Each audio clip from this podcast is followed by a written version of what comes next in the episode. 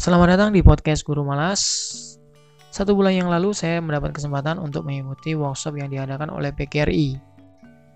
Eh, dalam workshop tersebut, saya bertemu dengan guru-guru yang punya jam terbang lebih tinggi daripada saya.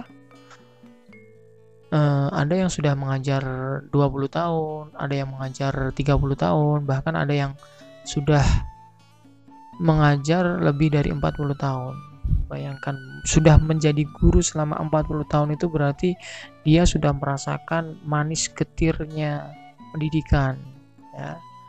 E, selama 40 tahun sudah banyak merasakan pahit manisnya menjadi guru dari ketika dia belum diangkat menjadi pegawai negeri dengan gaji yang pas-pasan nah, sampai sekarang dia sudah bisa menikmati uh, sertifikasi guru. Nah, dalam sebuah ulasannya dia bercerita tentang suka dukanya menjadi guru. Nah, ada beberapa pesan yang uh, menempel di ingatan saya. Jadi, Bapak Ibu guru tidak perlu khawatir dengan profesi yang sekarang dijalani ya. Jadi profesi guru memang tidak menjanjikan kekayaan profesi guru memang tidak menjanjikan kemakmuran profesi guru memang tidak menjanjikan harta yang berlimpah.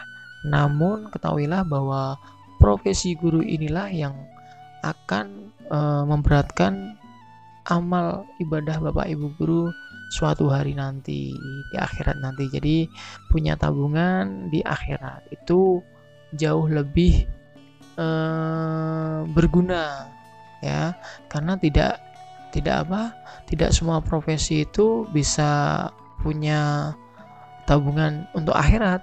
Nah, guru ini selain bisa berguna untuk dunia juga bisa berguna untuk uh, akhirat salah satu amal yang tidak akan putus walaupun kita sudah meninggal adalah ilmu yang bermanfaat. Nah, apabila seorang guru ini uh, mengajar dengan keikhlasan, kesabaran, uh, ilmunya ini tentunya akan bermanfaat bagi banyak orang.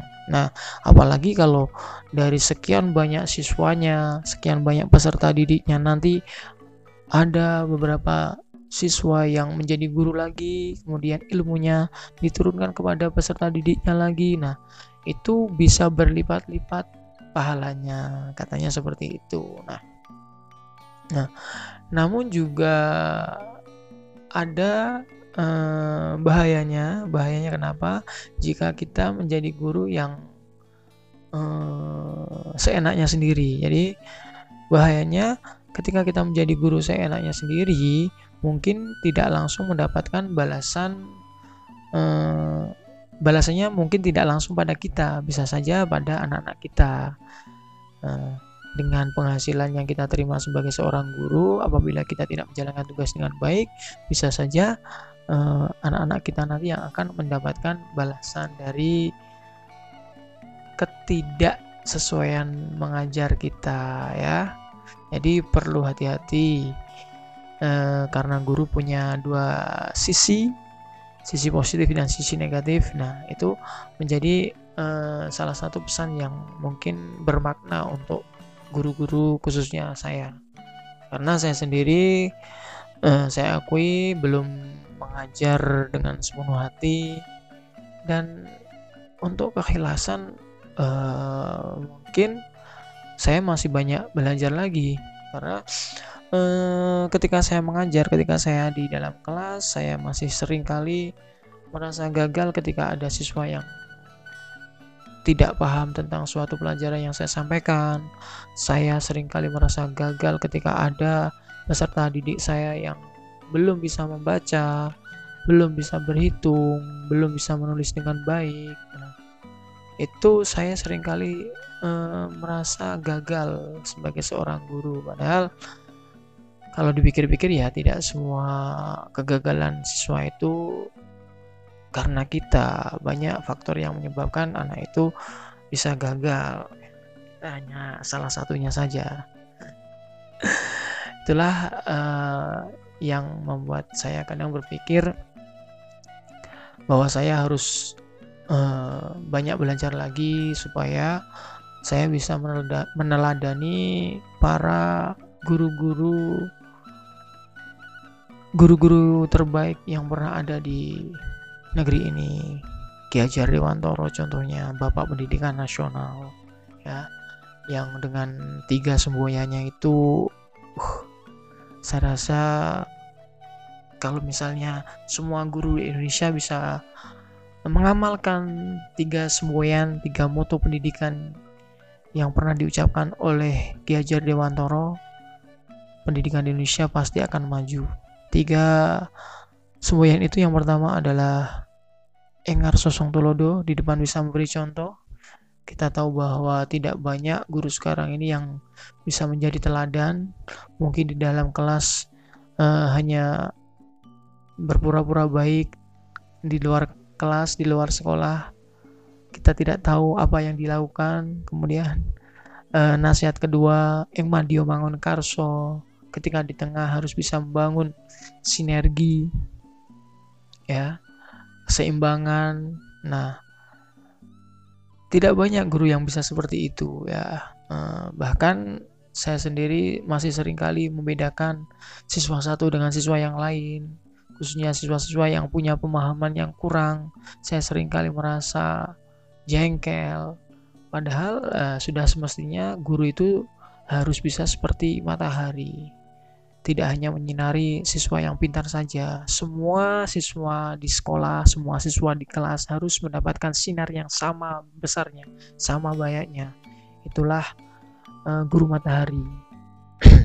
harus bisa menyinari semua seisi ruangan di kelas. Kemudian nasihat yang ketiga, Tutwuri Handayani ketika di belakang harus bisa menjadi uh, memberikan motivasi, memberikan semangat.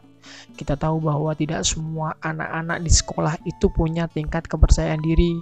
Tidak semua eh, anak-anak uh, di sekolah itu punya latar belakang keluarga yang sempurna. Ya. Sebisa mungkin guru harus bisa memberikan motivasi, memberikan semangat agar semua anak yang ada di kelas bisa tumbuh berkembang maju bersama itu ya. E, karena apa? Karena itu adalah salah satu tugas mulia seorang guru. Nah manakala ketiga pesan tadi ketiga semboyan tadi bisa dilaksanakan oleh seluruh guru di Indonesia ini maka besar kemungkinan e, akan lahir generasi-generasi yang cemerlang generasi-generasi yang uh, tidak korupsi generasi-generasi yang ya akan membawa Indonesia menjadi lebih baik daripada hari ini. Kita tahu bahwa hari ini banyak uh, berita kriminal di Indonesia, berita dari terorisme, kemudian dari korupsi, pembunuhan, tindak kriminal lainnya bisa bisa saja eh, mereka-mereka uh, itu lahir dari didikan guru-guru yang memang ketika di sekolah uh, mengajarnya kurang baik ya. Entah ada yang uh, hanya memberikan catatan saja tanpa menjelaskan.